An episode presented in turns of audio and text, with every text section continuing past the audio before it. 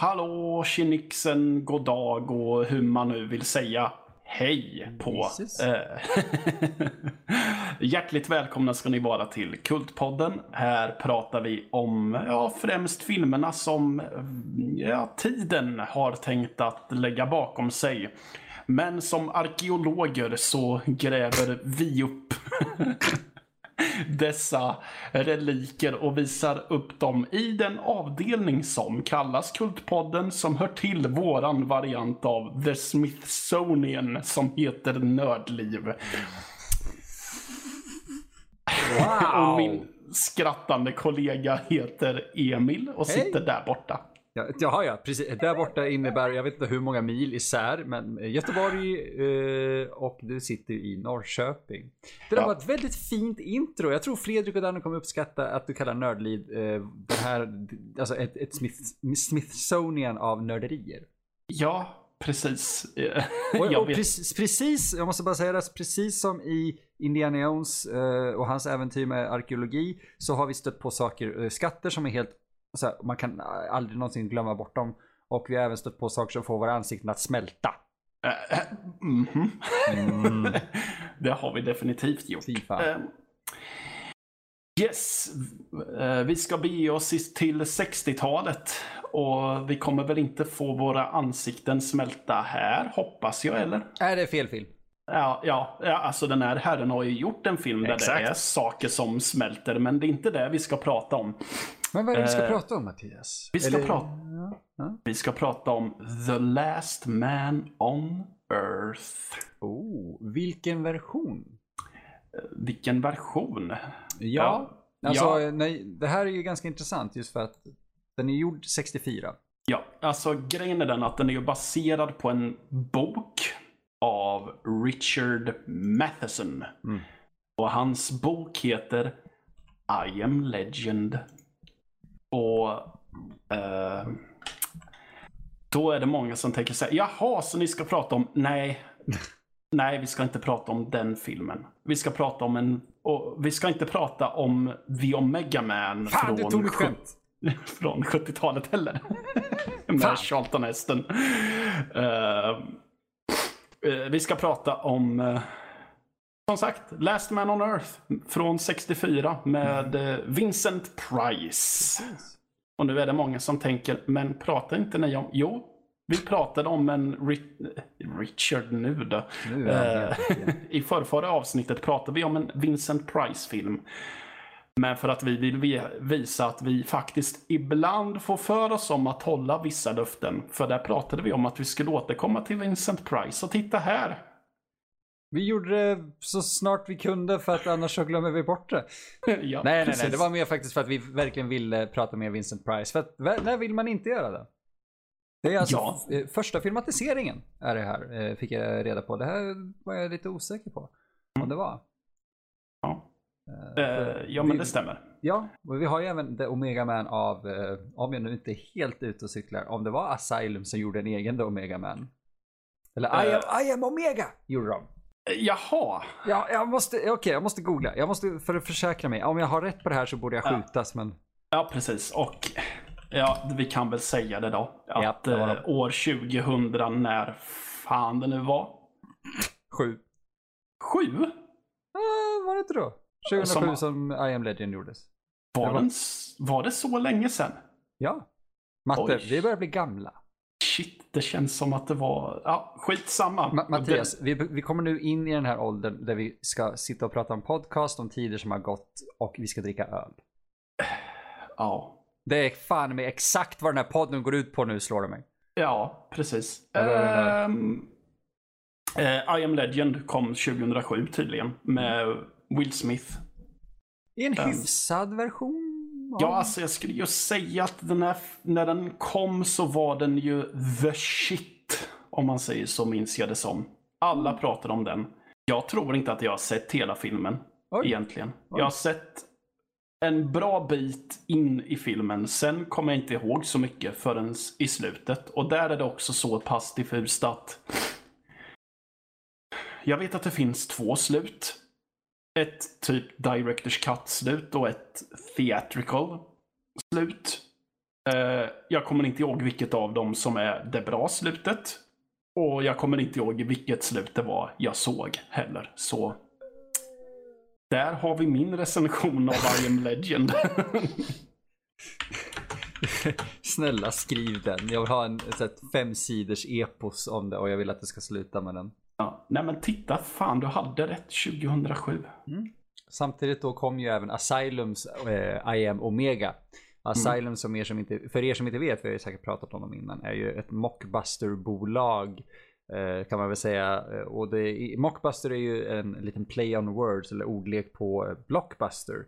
Eh, och de släpper direkt videofilmer som eh, kapitaliserar på filmer som är aktuella.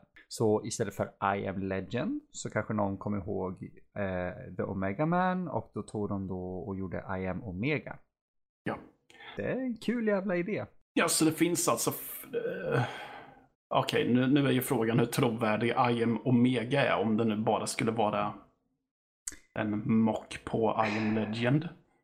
Det är det jag försöker, jag försöker kolla om det, det var just det jag blev så intresserad av. Om det är en storymässig, du vet, filmatisering av Last Man on Earth eller eh, vad fan hette novellen?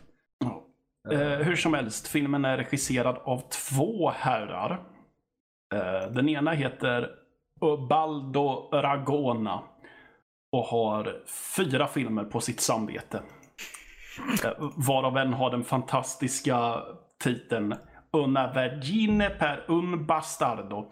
Eh, jag har inte en blekaste aning om vad, den, vad det betyder, men det var Någonting kul en- att säga. Ja, ja, det är någonting om en bastard, men Ja. det låter lite som du vet, ja ah, okej, det är jävligt så här, vad heter det, inside joke. Kommer du ihåg när jag dubbade min egen trailer till italienska? Eh, ja, det gjorde Ja, jag. det lät som det. Bastala di malate. Ja. Inte sento sontro disastro. Det var roligt. Okej, fortsätt. Eh, den andra snubben heter Sidney Salkow.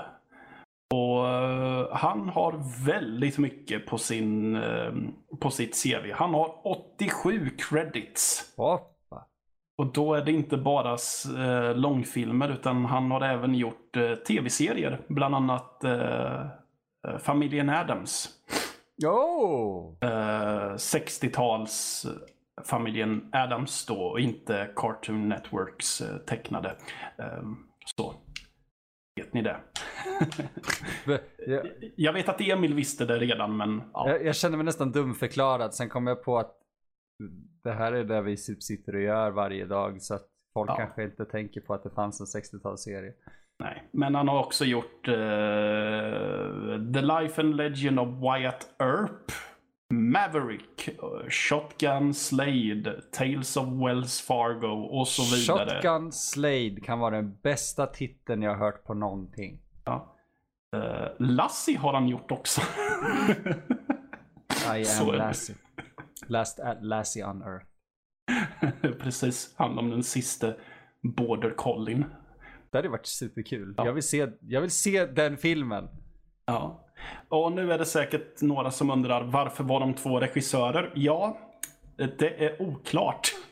Men jag har en teori. Oh. Eh, Ja, för den ena var ju väldigt eh, erfaren och den andra eh, lever.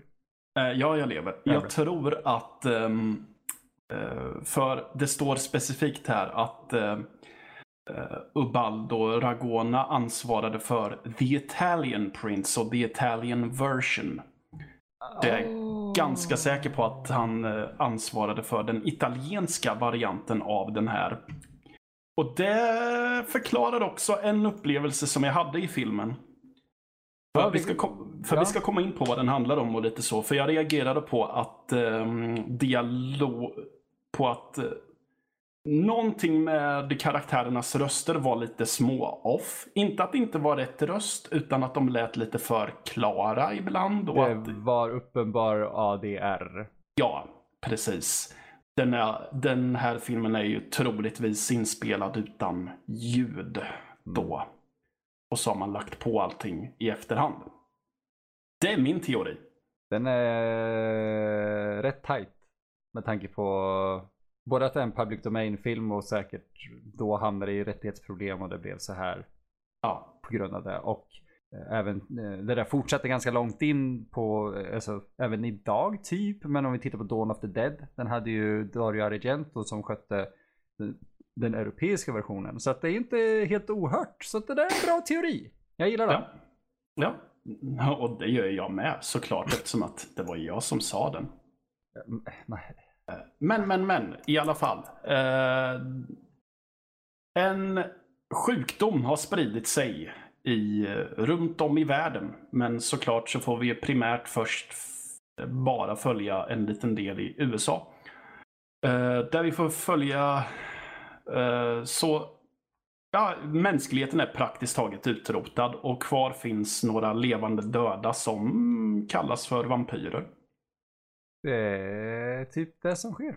Ja, eh, vi får följa ehm, Robert Morgan som eh, lunkar omkring, försöker överleva. Han snickrar eh, pålar som man kan spetsa vampyrer med och han hänger vitlök runt sitt hus. Och han, vad han även gör är att han letar efter överlevande genom att dels försöka få ut meddelanden via en eh, radio. Och han åker också runt och letar efter överlevande förnödenheter och försöker också systematiskt att utrota dessa vampyrer.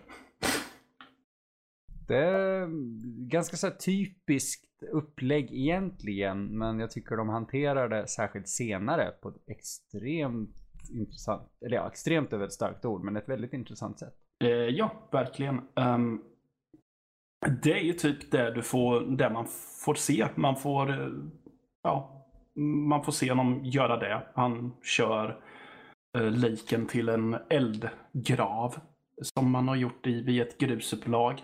Och eh, han blir ständigt omri- hans hus blir ständigt omringad av eh, vampyrer. Morgan, Morgan, we wanna kill you Morgan. Varav en eh, av vampyrerna skriker så efter honom. Vilket både är så här rysligt Mm. och fruktansvärt underhållande. Ja, eh, vi får ju för att få tiden att gå lite mer, för det skulle ju bli väldigt drygt att bara se Vincent Price göra sina ensam människa på jorden sysslor hela tiden. Ja, det vette fan alltså. Jag hade gått med på det. Ja, okej Nej, det då. hade jag inte. Det hade blivit jävligt långsamt med tanke på den här. Eh, Så vi får ju såklart se en backstory på hur allting började. Där vi får reda på att eh, Robert Morgan var en läkare som forskade kring den här ehm, sjukdomen när den började härja. I jakt efter ett eh, botemedel. Och eh, saker och ting går sakta men säkert åt helvete. Både för mänskligheten och för han själv. Eftersom att hans, först hans dotter blir smittad. Och dör senare. Och sen så händer samma sak med hans fru. No. Ja, och här, vi pratade om det off mic förut. Här får man också eh, en rejäl smakbit av den stämningen som den här filmen ändå lyckas bygga upp. För vi har en scen här då Vincent Price sitter själv i huset. Han är ledsen över att både fru och dotter har gått hädan.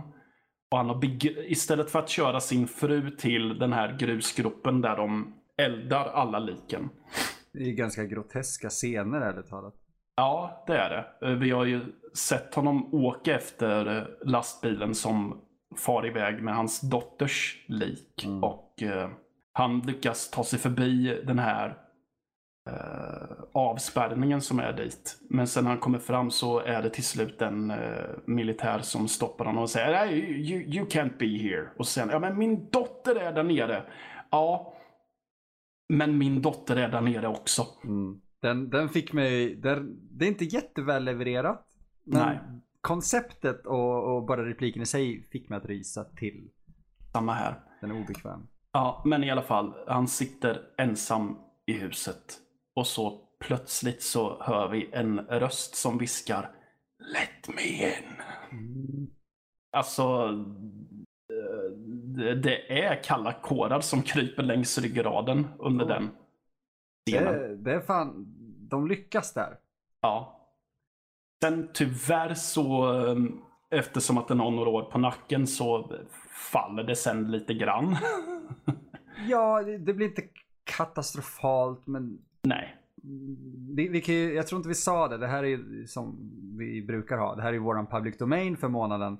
Eh, så det är ju inte alltid de filmerna har de absolut bästa kriterierna, man ska säga. Men mm, det, Mm. man känner ändå av att det här går. Det, det har stämning i sin långsamhet. Men det går utför. Ja, precis. Alltså, mm, eh, det gör ju hela filmen på ett sätt, känner jag. Eh, efter ett, för, alltså, jag, jag gillar den här, hur den har ett ganska lunkande tempo som ändå bygger väldigt mycket atmosfär. Men förr eller senare måste det ju ta vägen någonstans. Så han hittar ju en eh, annan människa. Roof. Som, vad sa du? Nej, inte, det är inte Roof, eller? Jo, det är Roof. Eh, ja, du tänker på... Ja, hon ja. Ja. Var det inte henne Mm. du tänkte på? Ja, nej, jo, det var hon jag tänkte på, men jag trodde att du menade hunden. Eh, först, men ja. Fullt eh, logiskt med tanke på vilken typ av film det är och med tanke på I am legend. Men Ja, eh, men han får ju då lite hopp och försöker, när han väl har lyckats få tilliten från, den, från uh, Ruth att uh, han inte tänker ha ihjäl henne så får de följa med hem till honom. Men han upptäcker ju sen att jo, hon är också smittad. ja, man kan ju inte klandra eh, en kvinna att springa från Vincent Price som springer efter henne och typ i will not hurt you, I will not kill you, wait! Jag hade också sprungit. Så. Ja, det hade jag också gjort. Och just... Visste, vänta, visste du förresten att Vincent Price hade en kokbok? Ja, Ja, bra. Det visste ni. Nu vet ni också det, ni som lyssnar. Varsågod, fortsätt. Jag tänkte bara att det, han hade kunnat äta upp henne. ja. Nej men han var ju tydligen en väldigt... eh, ehm, han var tydligen världens jävla matnörd. Så han åkte ju till länder bara för att liksom lära sig hur man lagar typiska rätter för det landet. Det är väldigt coolt. Jag är ganska säker på att han var i Sverige. Det vore super, super coolt. Mm. Jag skulle fall. vilja ha hans kokbok. Jag med! Alltså okej, vi, vi avstickare. Jag kollade precis på den. Eh, Den går att köpa på Amazon, eh, UK. Du kan Ja. köpa den för ungefär 400, jag tror den låg på typ 35 pund. Mm. Eh, alltså du vet, det lockar. Ja. Så här, ska, man, ska man kanske? För att, för att bilderna, illustrationerna och fotona ifrån maträtterna, det är väldigt så här, det där har Price lagt upp. Ja. Eh, för han det är han och hans fru Mary som har satt ihop boken. Och det heter typ A Great Treasure of Recipes eller någonting. Och så är- en, en av bilderna är så här. Jag vet inte vad det är för typ av fisk för jag är jättedålig på sånt. Men det är typ rökta fiskar. Och sen har han lagt upp någonting som ser ut som så här, i ögon på fiskarna. Och, och det är bara classic grotesk jävla skit. Jag älskar det. Ja. Eh, Jag vill absolut ha den boken. Definitivt. Ehm, och just den här besvikelsen som Price har när han inser att hon är, hon är smittad. För han har ju upplevt det tidigare när, han, eh, när det kommer en hund till honom. Mm. Och han tänker att yes, jag får sällskap och sen, ja fan den är också smittad. För jag tänkte på det när jag såg den här att den, den har en väldigt hopplös ton över sig. Totalt. Inte hopplös som att den är eh, slarvigt gjord, utan hopplös som att nej, det finns fan inget hopp för mänskligheten längre. Allting är bara skit. Ja, alltså, ja, den här domedagskänslan är, Ja, är så jävla överhängande. precis. Och eh, det ständigt är överhängande temat om eh, Alltså kommer Vincent Price ens känna att det är värt att hålla på eller ska han bara låta sig duka under till slut? Ja, för det känns, ett, ett tag där känns det som att han gör allt på rutin. Alltså, Ja. bara för att han, han kan ju inte ta livet av sig, så då måste jag ju fortsätta leva och hur gör man det? Jo, man gör sin rutin. Ja, Det är en fascinerande karaktärsstudie av en, av en, en, alltså den sista mannen på jorden. Ja, Om man verkligen. själv tror det.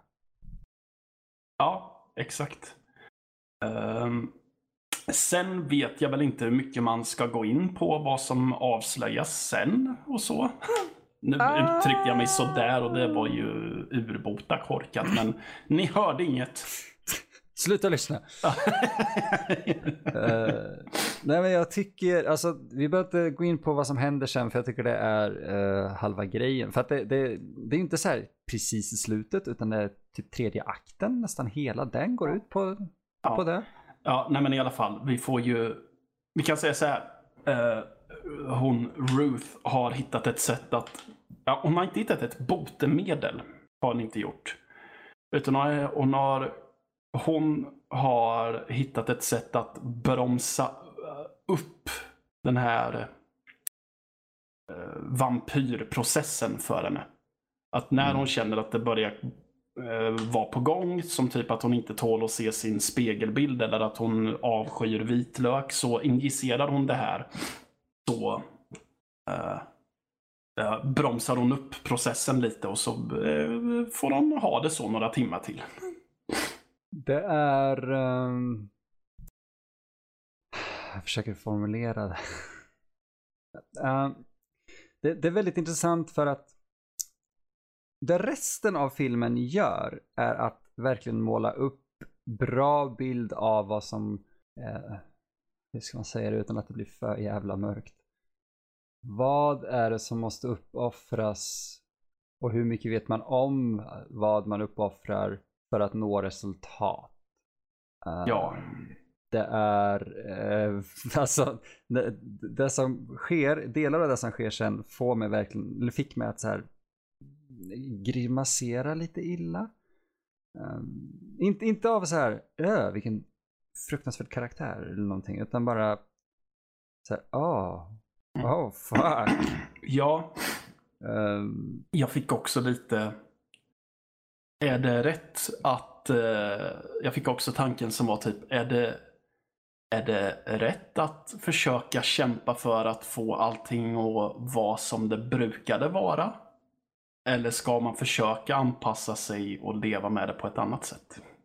Exakt, och Mm. exakt det du säger gör det så intressant. Ja. För det...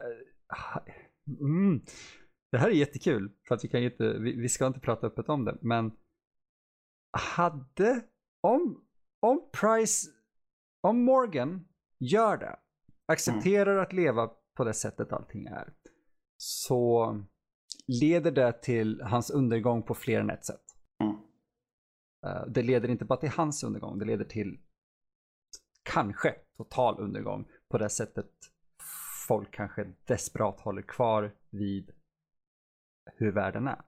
Mm. Eh, Eller en gång var. Det är så svårt, för eh, jag tycker det där spoilar ingenting. Nej. Men det, det som sker är väldigt, väldigt, väldigt eh, intressant för att jag trodde inte att den filmen skulle göra, alltså en film från 64 skulle göra någonting så här. Eh, jag tänker säga aggressivt, politiskt, subtilt fast Mm. Väldigt tydligt. Ja, vi kan väl säga att de, filmen tar vårat perspektiv på väldigt mycket och typ skakar om då och vänder det upp och ner ungefär kan man säga. Helt och hållet. Ja, Alltså man, man, man, man, man ser inte, man ser det inte komma och så, så bara, "What? vänta, va? Och ja.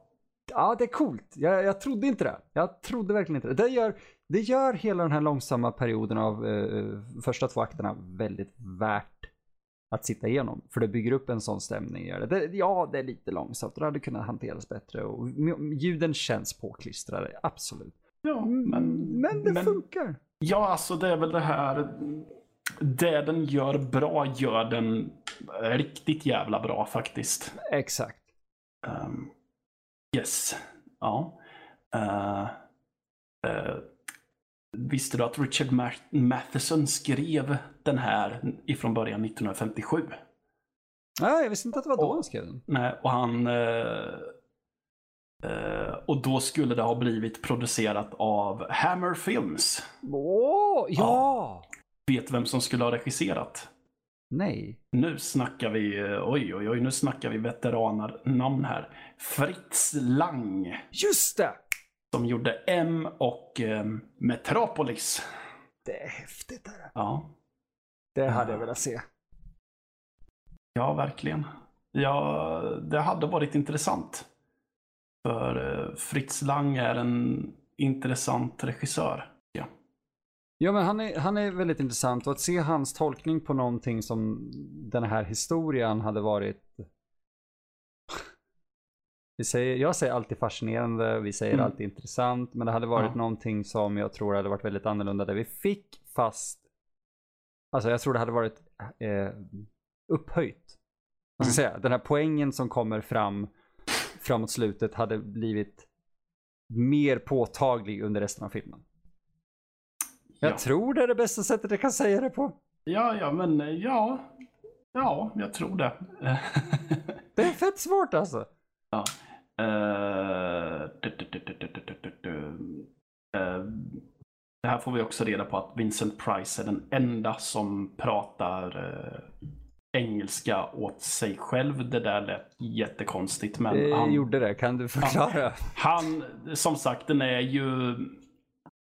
Filmen är ju dubbad i efterhand, där ADR och Mm. allt vad det heter. Han är den enda som... Han är den enda engelska rösten som... Han är den enda som dubbar sig själv Jag på engelska. han är den enda som gör sin egen röst. Ja, precis. Ja. Ja. Men det, det är inte eh, jättevanligt, eh, eh, är det inte. Franco Nero, har jag för mig, eh, dubbades alltid av någon, jag kommer inte ihåg hur, hur han formulerade sig, men någon som var tvärt emot hur han både såg ut och lät eh, Mm. i alla Canons filmer från 80-talet, vilket är jättekul att se nu. Eh, Och jag är lite glad för att, att, att de inte gjorde det här, för att Price har en så ikonisk röst att hade det varit en annan röst som kom ur truten på honom hade jag blivit mer rädd för det än någonting Price någonsin har gjort. Ja. Eh, Det är också lite kul för när han lastar ner, eh, när han slänger ner kropparna i eldgruppen så är han ju väldigt varsam med kropparna. Mm. Ja.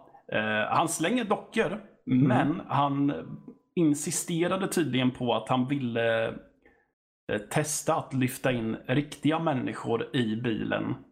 Eh, I want just to för- throw a person down a cliff.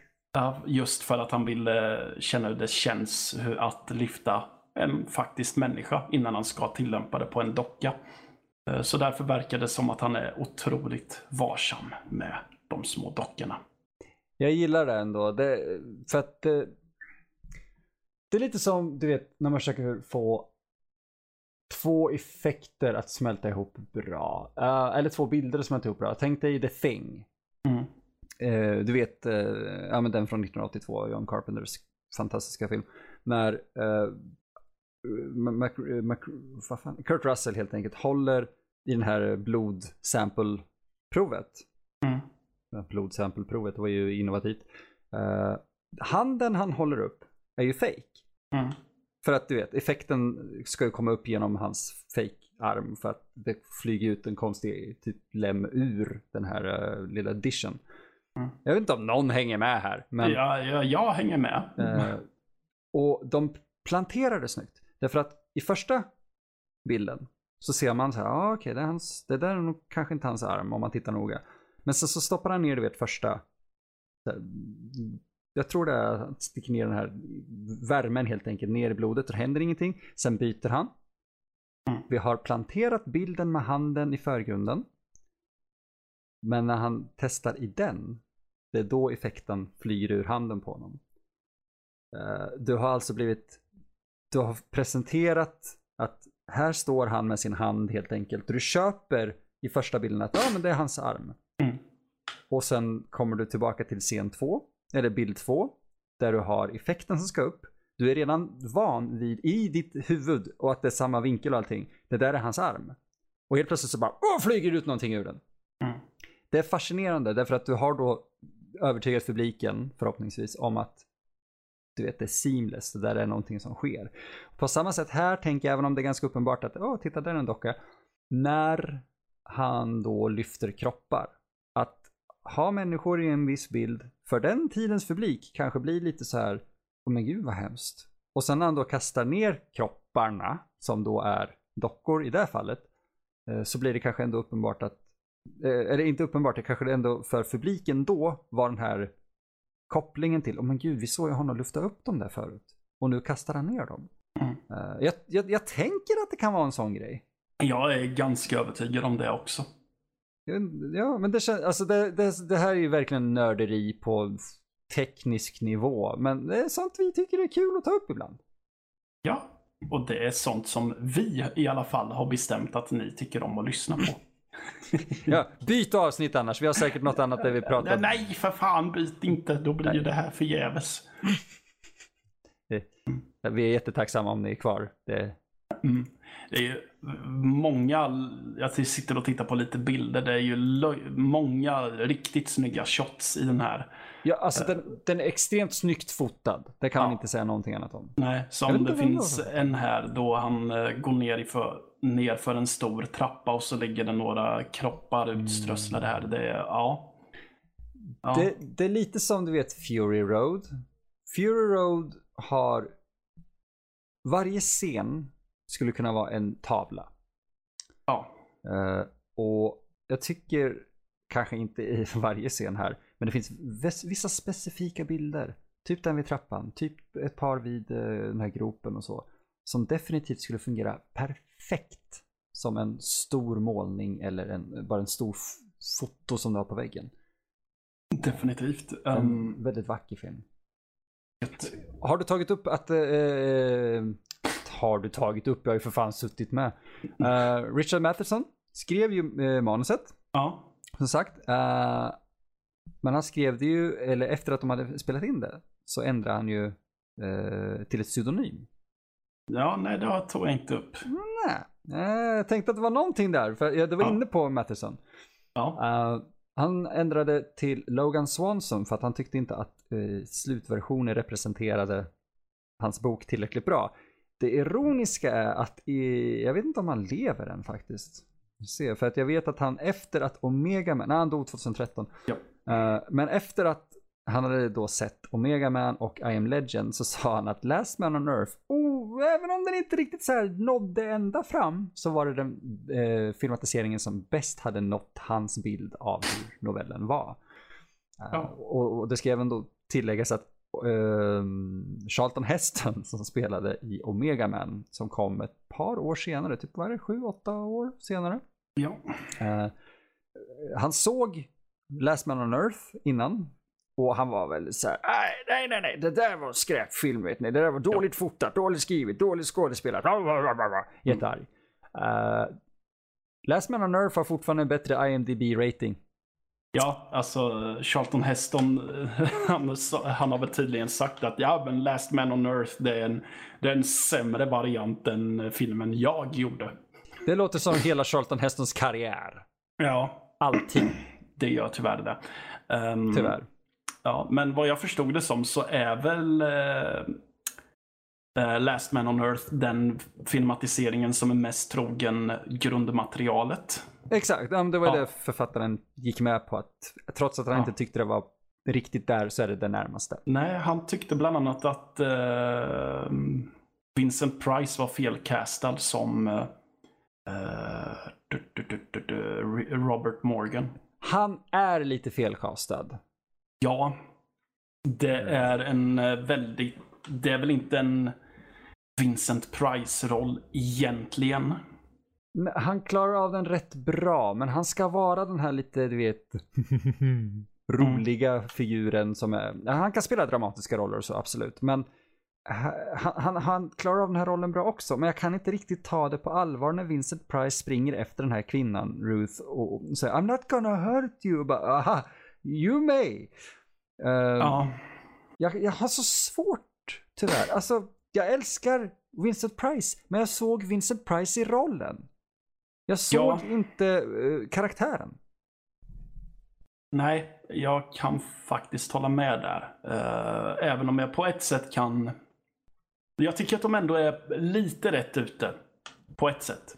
På Och, ett det, och det är ju att... ehm, för han är ju väldigt gentlemannaaktig på ett, och är, har ett väldigt eh, Vincent Price-manér i, i, när vi får se honom innan katastrofen. Men kan du fortfarande se honom som Ja, det Morgan? jag menade på är att det hjälper ju till med det här motvilliga som är i eh, framtiden sen. Men med det sagt så håller jag med dig om att eh, jag ser inte karaktären Robert Morgan. Jag ser Vincent Price spela Robert Morgan eller vad man ska säga. Mm. Jag vet inte om vi är inne på... Ja. Nej, nej, vi är helt inne på rätt sak där. Jag, för en liten skillnad, jag ser självklart inte, det, det är inte Price som... Den, är- den, där var ganska intressant. Därför att det är ju inte Price som karaktärsskådis som gör Morgan. Men det är väldigt uppenbart att det är Price som är i rollen som Morgan. ja. Eh, man kan ju annars många gånger se en, en skådespelare göra samma karaktär oavsett vilken film eller roll de har. Eh, ja.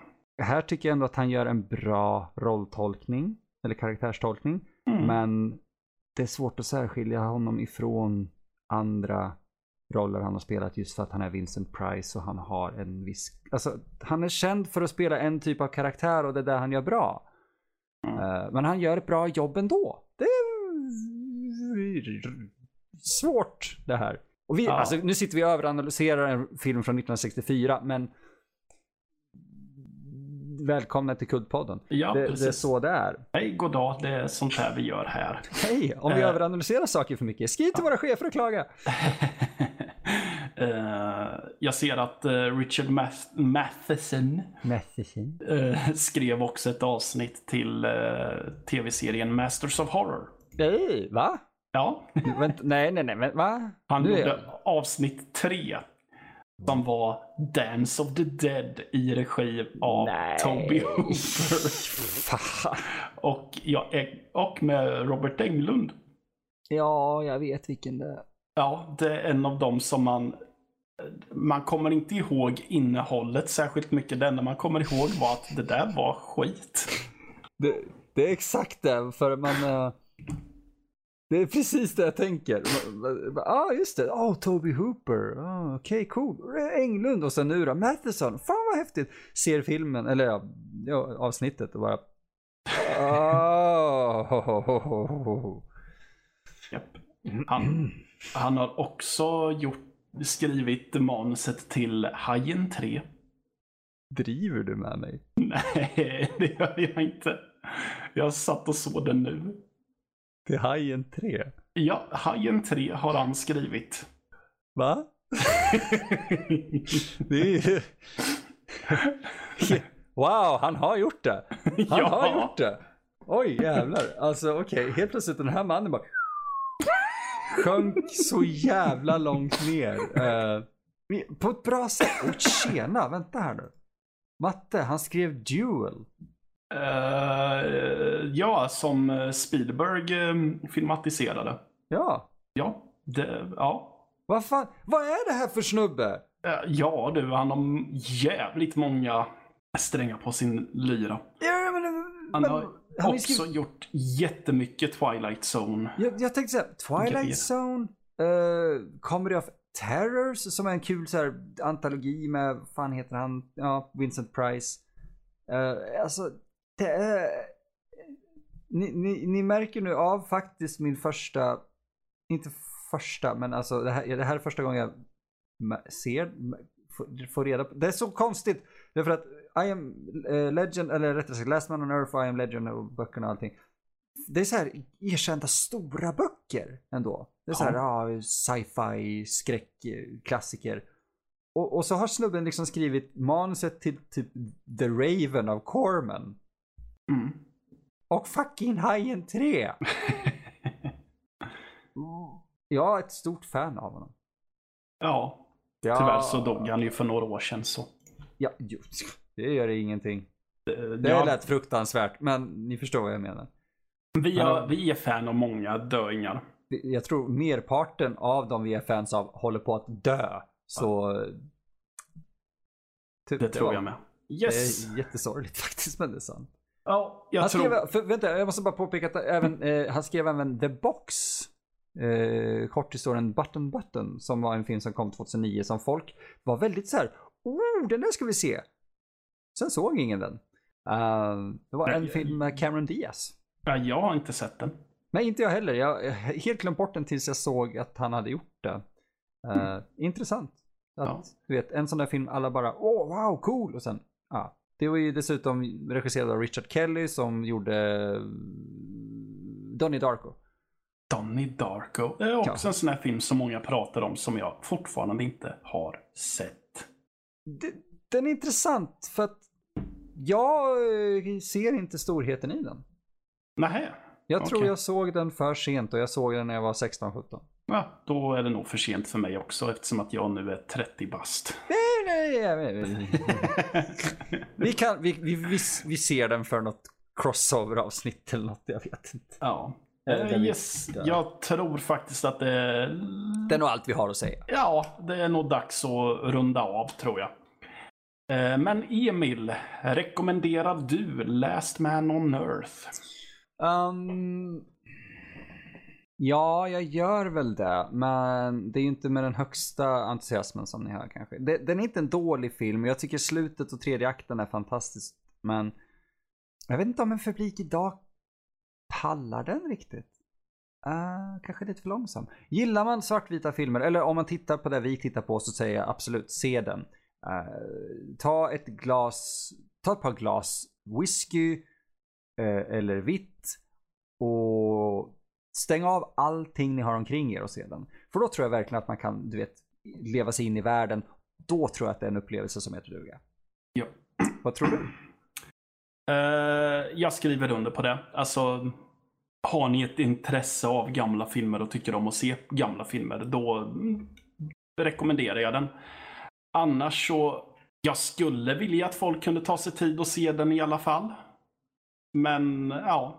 Jag, Den är gratis och tillgänglig. ja. Så, I bra kvalitet. Ja, så är ni nyfikna, kika och häll upp något lämpligt som går att smutta på och eh, lås in telefonen i sovrummet eller något, Mm. någon annanstans. Mm. Ni ska inte vara distraherade av andra saker när ni ser den här. Jag tror nästan det är det viktigaste. Ja, precis. Då kanske ni har en chans att uppskatta den. Och det är, det, är inte då att det är en dålig film som tvingar er att titta på den bara för att den är framför era ögon för att ni inte har telefonen. Utan det är just att Nej. inlevelsen kräver eh, uppmärksamhet. Precis. Yes, men med det sagt så, ja. Ni, ja ni får ta de där rekommendationerna eller så som ni vill. Um, annars, har ni något på hjärtat så får ni hemskt gärna höra av er till oss via mail. Uh, och då skriver ni till emil at nordlivpodcast.se eller till mattias at nordlivpodcast.se om ni känner att ni är lite blyga och inte vara så upfront emot Emil och mig att ni känner att oj, ni blir nästan lite starstruck av oss. Ja, vill ni boka mig till en kon, kontakta mig på min mail. Precis. Då kan ni istället gå via våra chefer. Eller våra chefredaktörer får vi väl säga. Ah, ja, ja, ja, Våra ja. bossar helt Våra enkelt. bossar, the bossmen på Nördliv. Och då skriver ni till info at nordlivpodcast.se. Förutom det, följ oss gärna på eh, sociala medier. Där heter vi nordliv.se på Instagram och Twitter. Vi finns såklart på Facebook och då skriver ni bara in nördliv så hoppas jag att ni hittar oss där. Annars så har ni säkert stavat fel någonstans. Men du kan inte påpeka att vår publik gör det. Det är Ja. fruktansvärt lågt. ja.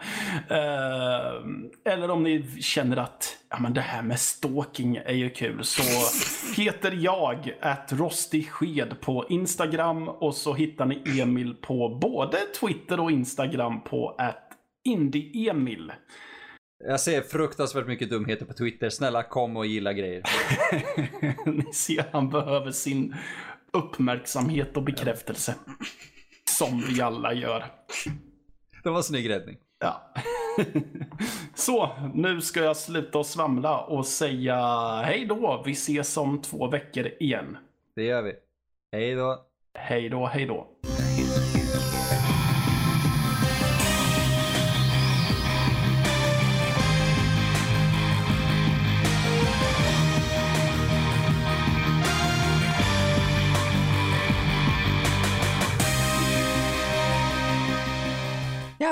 Multipenis. Halalala. Multipenis. Multipenis, multipenis. Nej, men-.